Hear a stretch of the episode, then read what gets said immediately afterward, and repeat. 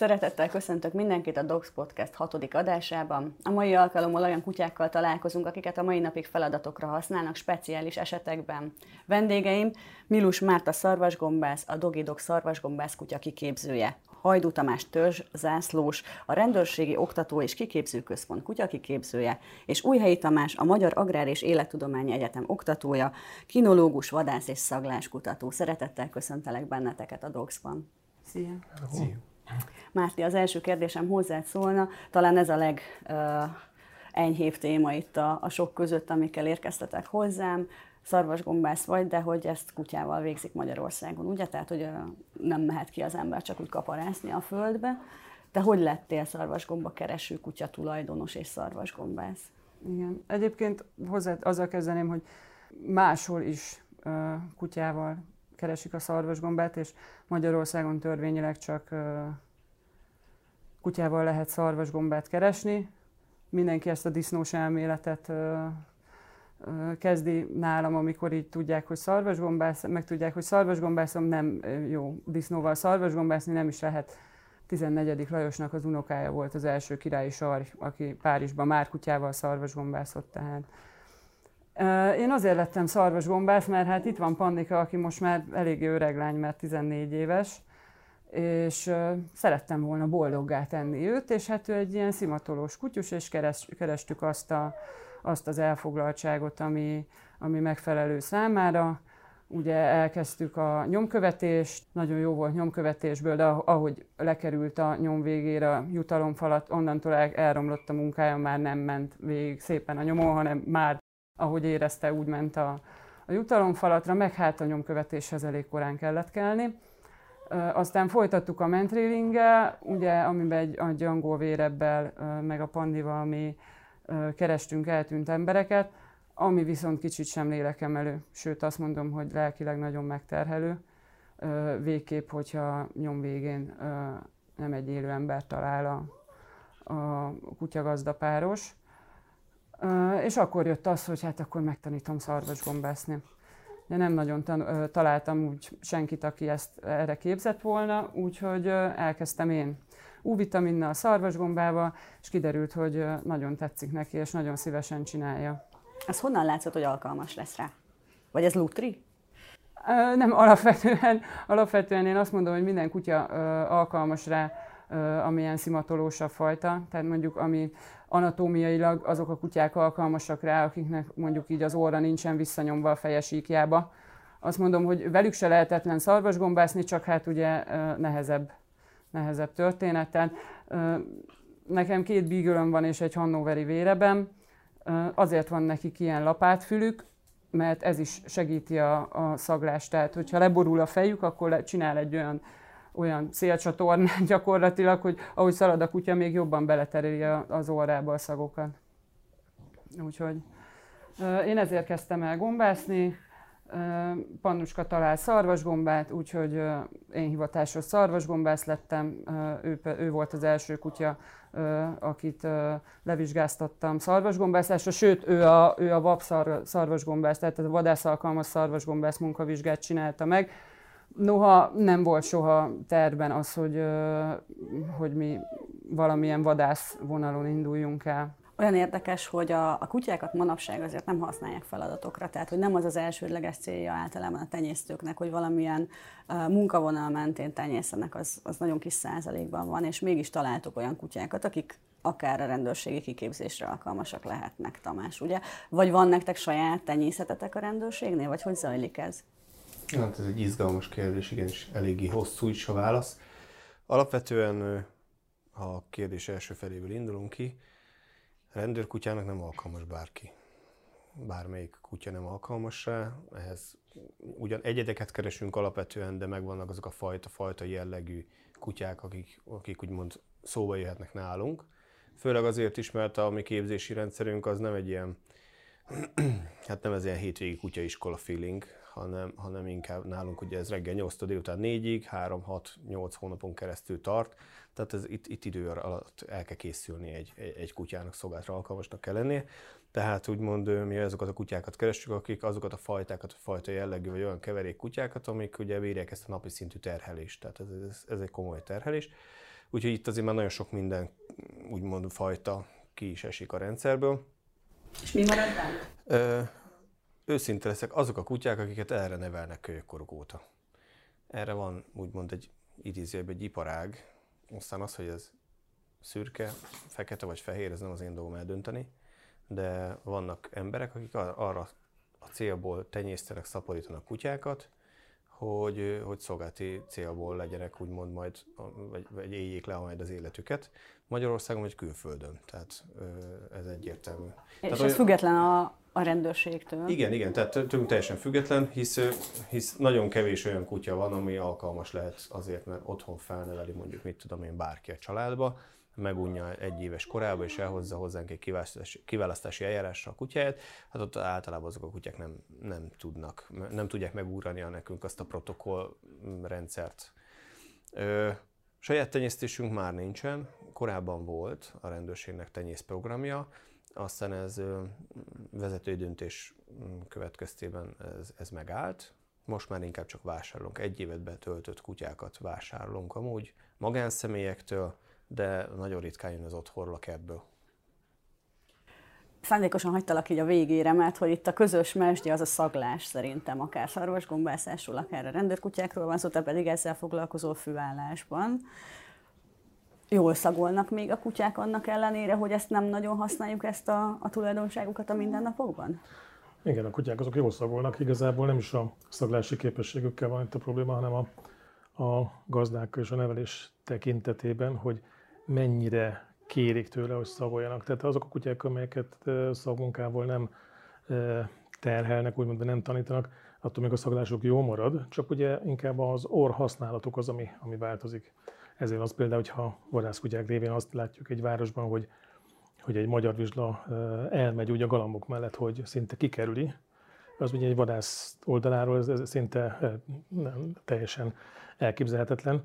De ugye a város ugye megtanulta, hogy a galamb az neki nem, nem egy munkafeladat, ellenben a vadásszal, aki a vadász mellett van, nyilván ott nem galambokról van szó, hanem egyéb vadmadárfajokról, fácán vagy fűr.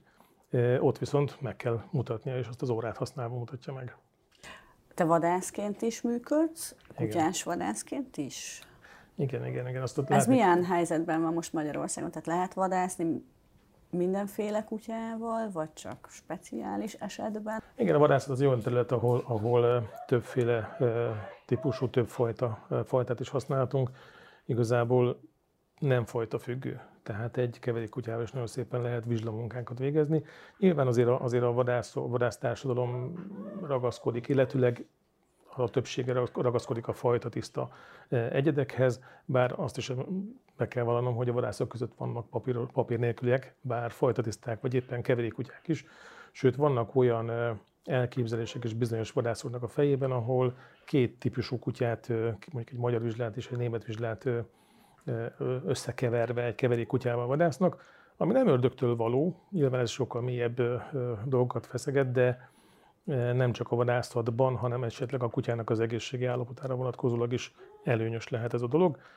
Ugye most beszéltem a zapróvadazásról, úgymond a vizslázásról, de lehetnek utánkereső kutyák is, ott is számos fajta, mint például az itt látható Beagle is lehet jó utánkereső kutya, bár egy kupófajta, tehát neki nem az utánkeresés az elsődleges feladata. Az utánkeresés az azt jelenti, hogy a vadász elejti a vadat, és a mondjuk lelövi a repülő fácánt, és akkor a kutya keresi meg, ugye?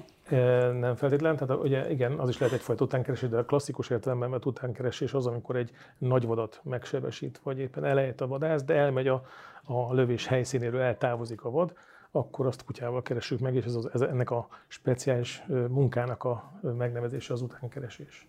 És mit csinálnak még az erdőben a kutyák? Tehát így felhajtják a vadat, vagy vagy ez már csak ilyen történelmi könyvekben nem, nem, nem, dolog? nem, fel is hajtják, ugye különböző vadászati módszerek léteznek. Ugye említettem az apró vadázásról, említettem a nagy nagyvadvadászatról is, és ott is például a nagyvadvadászatnak az egyik típus az a terelés, vagy éppen a hajtás, és ott úgy, ahogy mondtad, felhajtják a vadat. Ez a klasszikus kopózás. Magyarországon kopózni nem igazán, tehát nem, nem törvényszerű, de ettől függetlenül azért külön, és itt például használhatnak különböző keverékeket is, ami, ami nagyon szépen dolgoznak, és nem klasszikus vadászkutyák. nagyon jó példa itt a terelőkutyák, tehát itt a, a, a klasszikus értelemben pásztorkutya területről a terelőkutyák nagyon jó példa a vadisznóhajtásnál, hiszen terelnek. Úgyhogy itt a vadászat szempontjából nagyon-nagyon széles körű a paletta. Nem azt a, viszont amit a rendőrség használ, azt mi nem igazán használjuk. Ez nyilván a munka ilyenségétől függ.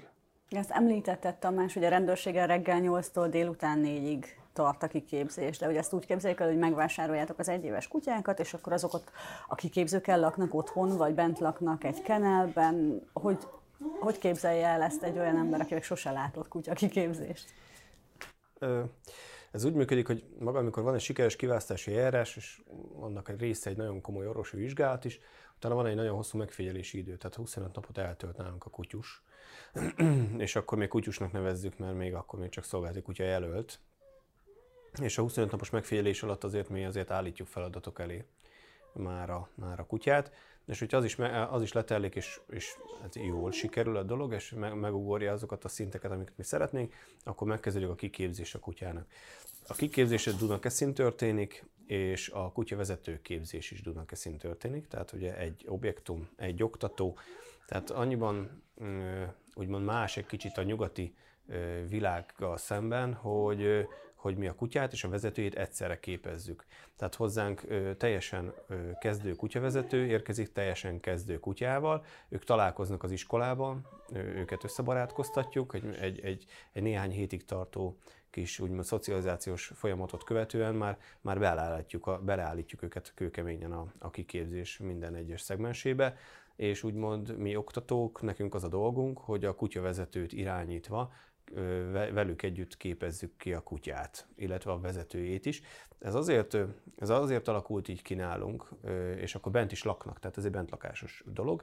Éjszaka alszanak a kenelbe a kutyák, a, a vezetők nem, tehát ő, ő, ők szobában pihennek, tehát ez fontos dolog, nem úgy, hogy, tehát, hogy külön alszanak, külön alszanak, mert néha jó lenne együtt aludnának amúgy, és nem a kutya, nem a kenelbe, tehát viccet féltéve, de hogy de hogy ez azért jó dolog, ugyanis úgymond, úgymond a rendőrség elvárja a kutyavezetőktől, hogy a kutyavezetővé válást követően már ők, amikor egy egységben dolgoznak, akkor a következő kutyát, amikor már kiöregszik a kutyus, akkor majd ő már ezt megpróbálja előnevelni, valamilyen szinten előképezni, és akkor így már a következő kutya kiképzése már egy picit úgymond könnyebb és egyszerűbb és rövidebb ideig kell, hogy tartson.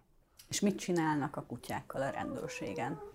A klasszikus, klasszikus, klasszikus dolgokon kántól. kívül. Igen.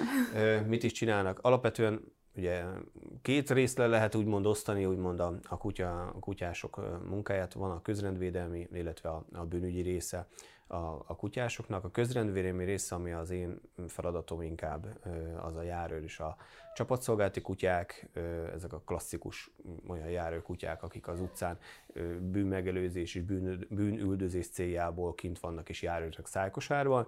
Vannak általános rendőrkutyáink, az általános rendőrkutyáink ők olyan járőkutyák, akik már nyomkövető funkcióval is bírnak, úgymond, lakottatán kívül ö, tudnak nyomkövetni vannak csapatszolgálati kutyáink, akik, egy, akik úgymond a mérkőzés biztosításokon állt, állnak helyt, hogyha hogy szükséges.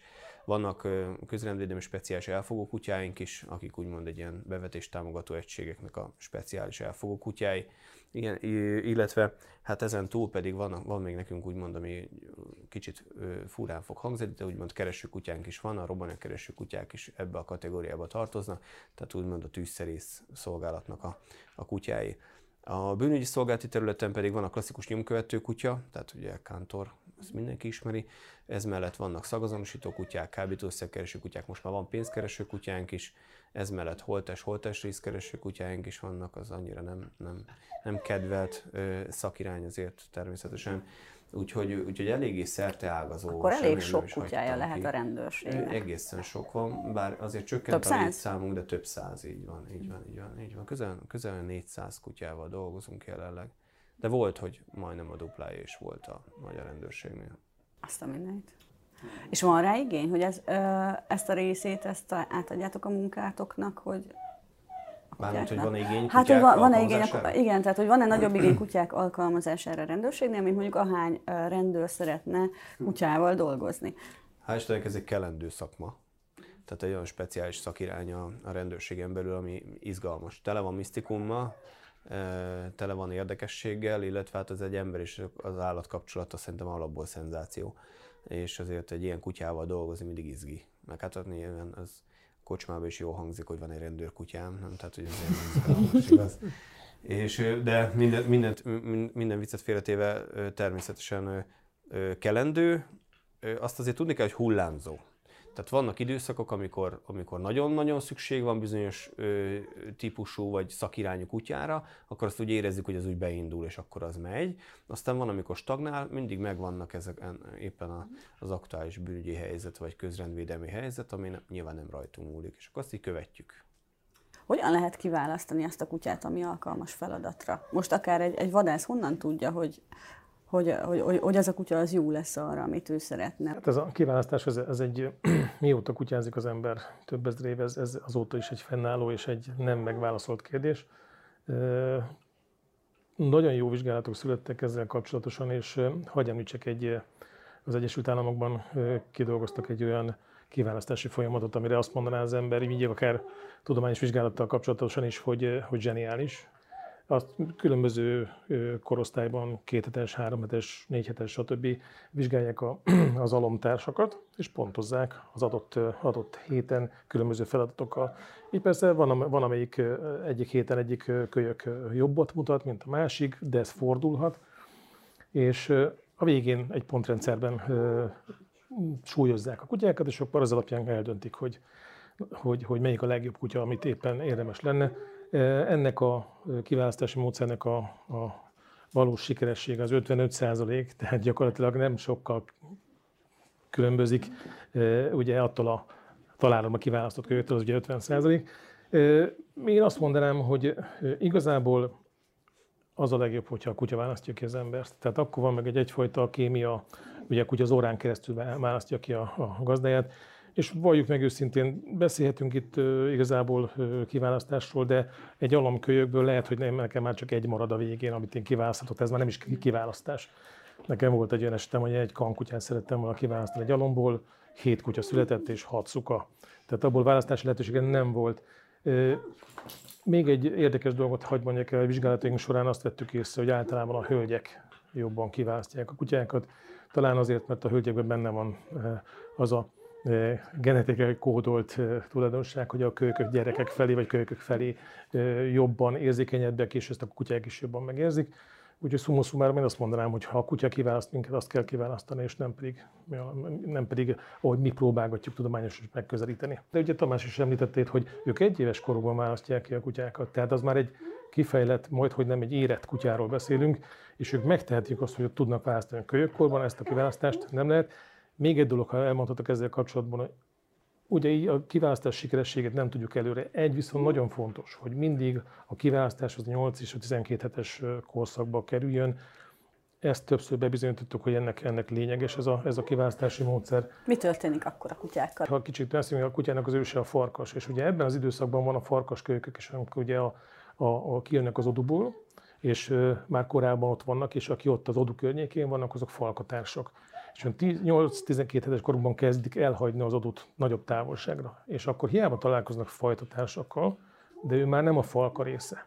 Tehát eb, ebben a, eb, eb, ez, ezt, erre próbáljuk rávetíteni a kutyának a kiválasztási folyamatának időpontját is, hogy valószínűleg azért ekkor legsikeresebbek. Ezt vizsgálták is egyébként, hogy figyelték, hogy 5-6 hetes korban kiválasztott kutya, 8-12 hetes korban kiválasztott kutya és 18-20 hetes korban kiválasztott kutya is kápszeres munkára végezték ezt a vizsgálatot. Több száz kutyáról beszélünk, és az a kutya, amelyik 8-12 hetes korban lett kiválasztva, annak a 80-90%-a megfelelt a munkára, ellenben az alatta is felette lévő időpontban kiválasztott kutyáknak pedig csak a 30-40% körüli mennyisége. Máté, a budapesti különleges mentőknél dolgoztál te dr. Pannival a a, a kutyusoddal. Hogy kerültetek oda, vagy hogy jött az, hogy, hogy ti mentésekben szeretnétek részt venni? Hát nem nagyon szerettünk volna, annyi, hogy mi elkezdtük erre a kutyákat képezni. Volt egy angol vérebb, aki, akit én kezdtem kiképezni, a, a Bruce, ő már nem él.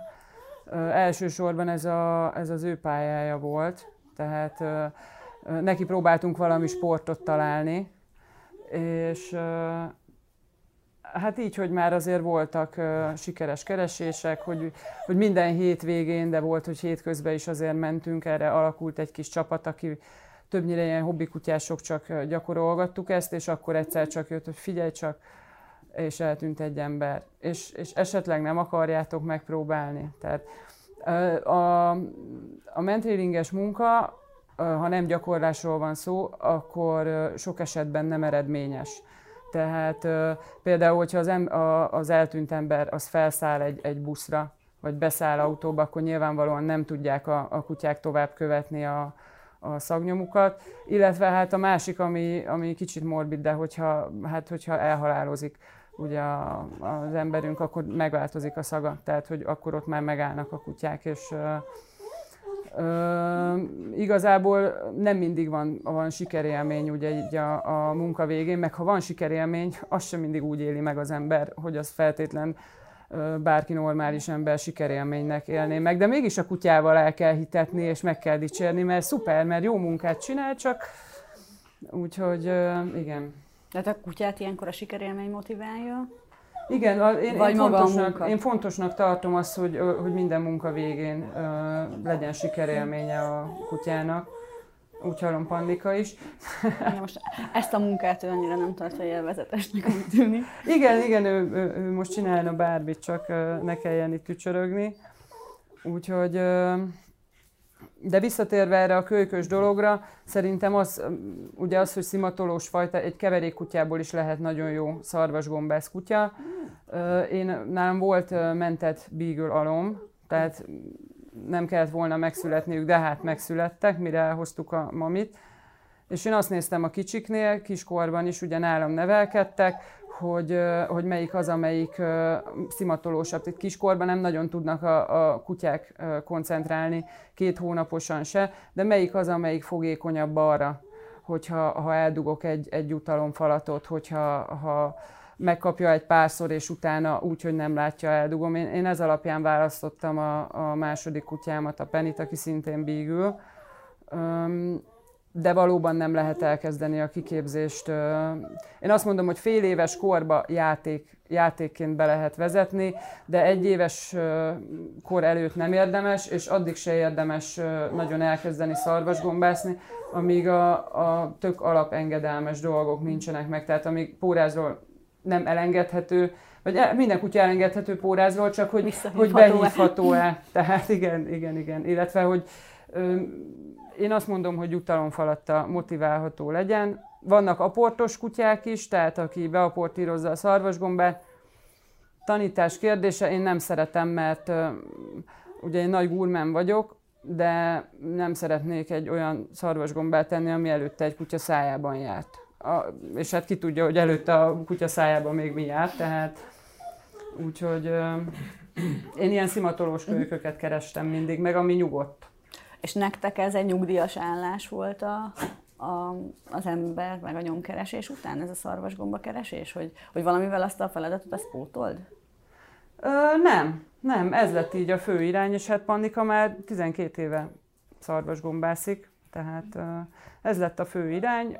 Azokat így kipróbálgattuk, csinálgattuk, de olyat kerestünk, ami, ami nekem is és a kutyának is sikerélményt jelent. Az a helyzet, hogy mindenki azt hiszi, hogy a szarvasgombászás az egy hihetetlen aranybánya, de a, a klímaváltozással ö, egészen lecsökkent ezeknek a szarvasgombász területeknek a, a mérete. Ugye a szarvasgomba az egy gyökérkapcsolt faj, egy mikorhiza, tehát önmagában nem életképes a fák gyökerével él együtt, támogatja, vitalizálja a fát, és abban a pillanatban, hogy a fának valami baja van, konkrétan mondjuk szomjazik, abban a pillanatban ledobja magáról a mikorhiza képzőt. Tehát elég sokan adták vissza az utóbbi időben így a, a szarvasgombászás, mint megélhetést.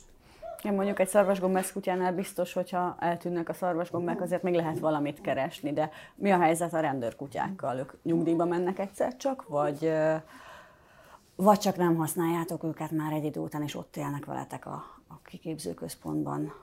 Mindig szoktuk mondani, mi sose használjuk őket, mi mindig csak alkalmazzuk. Ez egy fontos dolog amúgy, és mindig szeretjük kijavítani az embereket. Igen, elmenek nyugdíjba. Ez egy érdekes helyzet nálunk, ugyanis a, a rendőrségnél a szolgálti kutya, a szolgálti ebbe az egy vagyontárgy. Mivel egy értéket képvisel, ezáltal úgymond vonalkóddal ellátott vagyontárgy, mint egy asztal csip, és akkor megvan. És a végén természetesen úgy tudnak nyugdíjba menni, hogyha ezt úgy hívják, hogy leselejtezik. Ennek egy ilyen szép szakszava van, de ezt nyilván ezt egymás között ugye elmondjuk, de egy nagy nyilvánosságot ezt titkoljuk, és akkor azt mondjuk, hogy nyugdíjba megy. De viccet félretéve, alapesetben mi is így hívjuk, hogy nyugdíjazzuk a kutyákat, de, de feketén-fehéren selejtezzük a kutyákat. 8. életévét, vagy 9. életévét betöltve automatikusan elmehetnek a jelen szabályozó értelmébe a kutyák nyugdíjba. Ez azt jelenti, hogy betölti a 9. életévét, akkor holnaptól már úgymond nem minősül szolgálti kutyának, hanem elment nyugdíjba. A selejtezési eljárást követően beárazzák úgymond a kutya úgymond nyugdíjas értékét, ez néhány ezer forint, és akkor a kutyavezető úgymond a rendőrségtől megvásárolja ezért a néhány ezer forintért cserébe a kutyust, és elviszi haza. Ez az esetek 99%-ában az így is történik, a maradék 1%-ában van lehetőség nálunk Dunakeszin az objektumban úgymond a kutyának lejönni a maradék kis életét, ami néha elég hosszú is azért, azt tudni kell.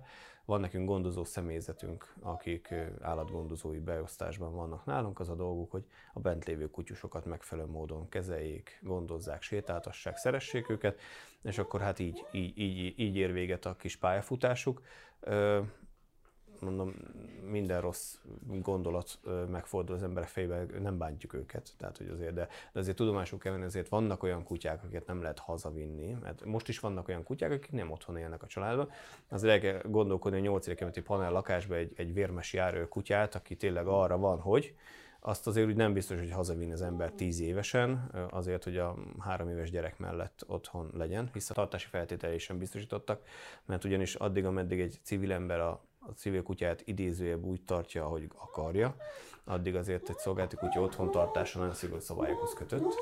És a, a szolgálati kutyák gondolom elvárnak bizonyos uh, körülményeket az előző, tehát hogy az életük előző részével kapcsolatban akár a kiképzésnek valami lecsengetését, hát vagy, vagy feladatokat, tehát hogy, hogy azért erős ösztönökkel bírnak ők. Hál' Istennek, igen, ez a bekerülés alapja. Így van, így van. Hát valamilyen szinten lecsengenek. Nagyon kevés kutya megy 9. életévé nyugdíjba. Tehát, hogy vagy hamarabb mennek el, de az más, az valami, vagy egy idegrendszeri probléma, vagy pedig egy egészségügyi probléma szokott előfordulni amikor előbb elmennek nyugdíjba szegények, mert ugye ők bármikor előfordult bármi.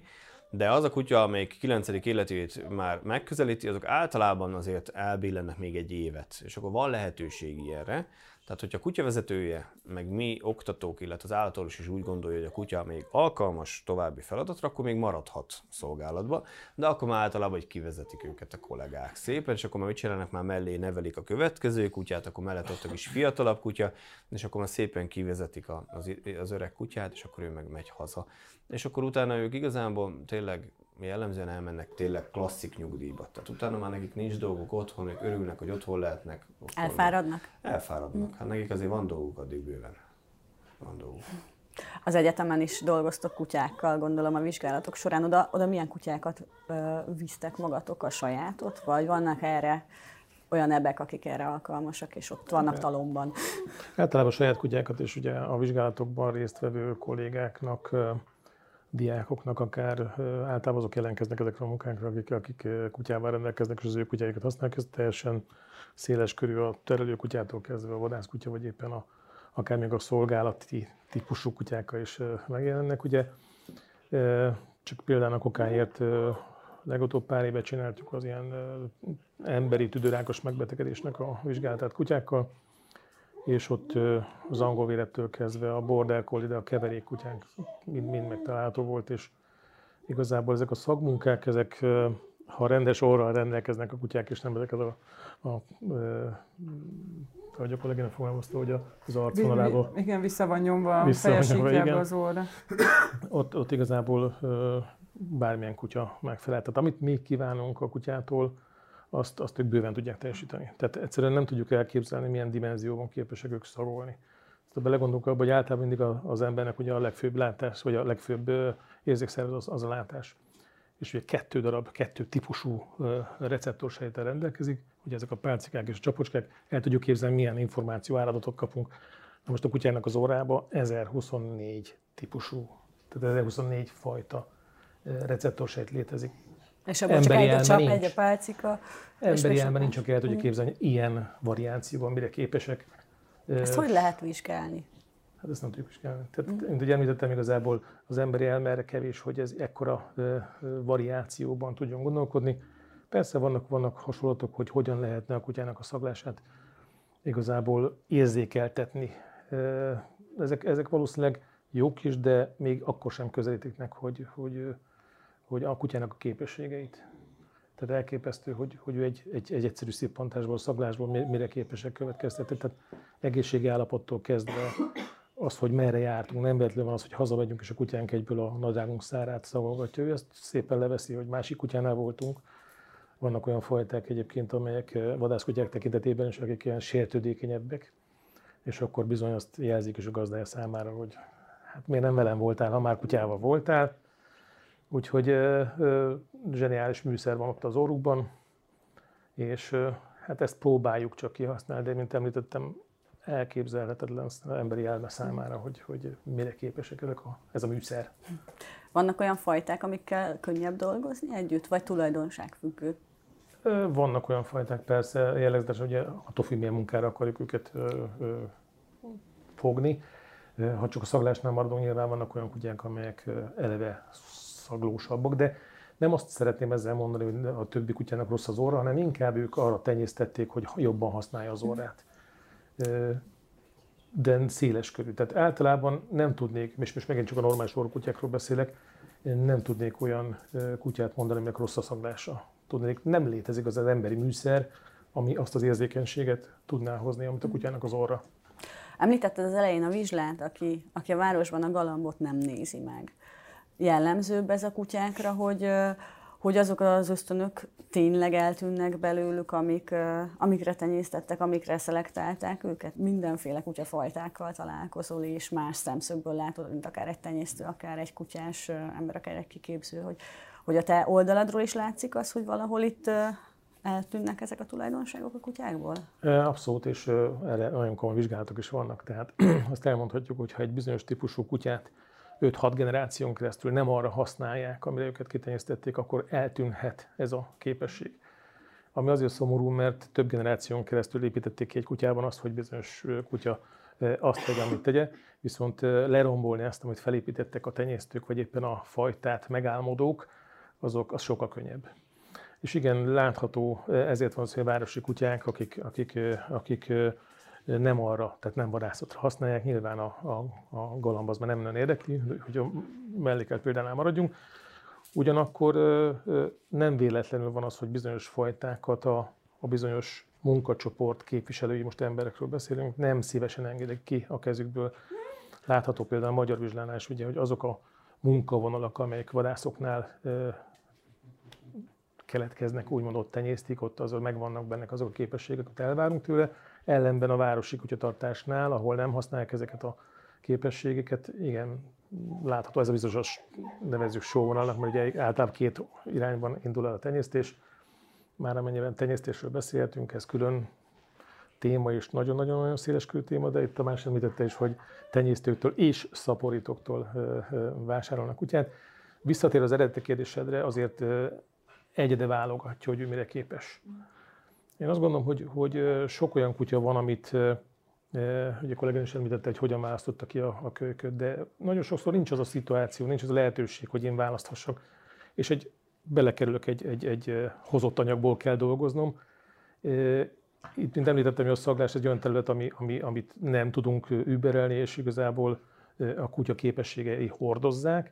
Itt a, a kulcs faktor az, hogy mennyire tudom motiválni a kutyát arra, hogy ő használja az órát, vagy éppen azt csinálja meg, amit szeretnénk. Nyilván a rendőrségnél van egy bizonyos kiképzési módszer, annak nyilván vannak változatai, de ott megkövetelt, hogy bizonyos időn belül ki lehessen hozni a kutyából azt, amit szeretnének látni, holott, amit ők kísérleteznek, lehet, hogy ki lehetne hozni belőle, csak sokkal nagyobb munkával, ez viszont már nem éri meg a rendőrségnek, de ez a vadászatnál is megvan, a szarvasgombászoknál is megvan. Úgyhogy én nagyon sok olyan kutyáról tudok, amit valamilyen szinten kiselejteztek, átkerült egy másik gazdához, sőt, még a rendőrségen belül is tudom, elnézést, hogy mondom a témátokat, csak én kapcsolatban vagyok a rendőrséggel is, hogy egy bizonyos kutya dolgozik egy, egy, egy kollégájukkal, és nem hozza azt a formát, amit szerettek volna, viszont átvesz egy másik kolléga, és gyönyörű szépen dolgozik nála. Nyilván ezek szélsőséges dolgok, de létező dolgok. Tehát sok olyan kutyát, sok olyan kutyával tapasztaltam már, hogy amit valaki kiselejtezett, valaki máshoz került, más módszerekkel, más motivációs képességekkel rendelkezett az emberke, és gyönyörű szépen dolgozik náluk. Igen, hát azért ez az 5-6 generáció, hogyha belegondolunk, akkor ez egy-két évtized, tehát hogy nem egy olyan hosszú idő. Úgyhogy valószínűleg az van, hogyha szeretnénk továbbra is munkára, feladatra használni kutyákat, akkor tényleg oda kell lépni, és figyelni kell arra, hogy meglegyenek azok a csapások, ahol, ahol erre még figyelnek a, a tenyésztők. Abszolút. És ez, erre gondolom, hogy van akarat. Így az utolsó kérdésnek is feldobnám, hogy ti ezt hogy látjátok, hogy van rá akarat, hogy, hogy ezt megőrizzék? Elég szomorú arcok. Az én privát véleményem az, az mindig, mindig az, és nagyon sok állatvédelmi elő, előadást tartok gyerkőcöknek, felnőtteknek is, mindig ezt szoktam mondani, hogy egy, állat, egy kutyatartó nagyhatalom vagyunk, ami egy nagyon rossz dolog, sajnos. Itt jön is a válasz. Tehát a, amelyikünk dolgozik kutyával, azt gondoljuk, hogy sajnos.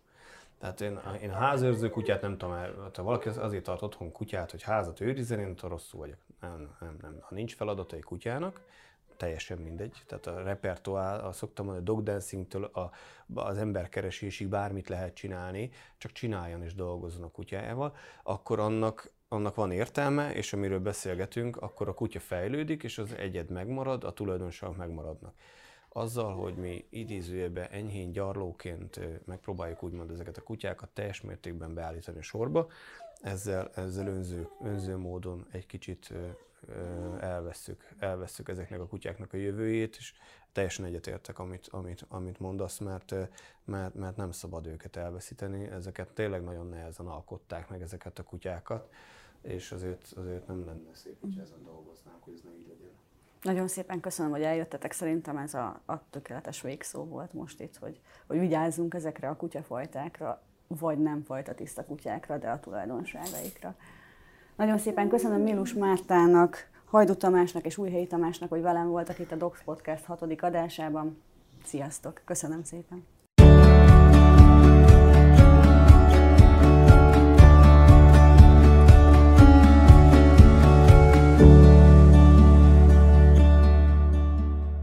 A műsor a Béton partnere.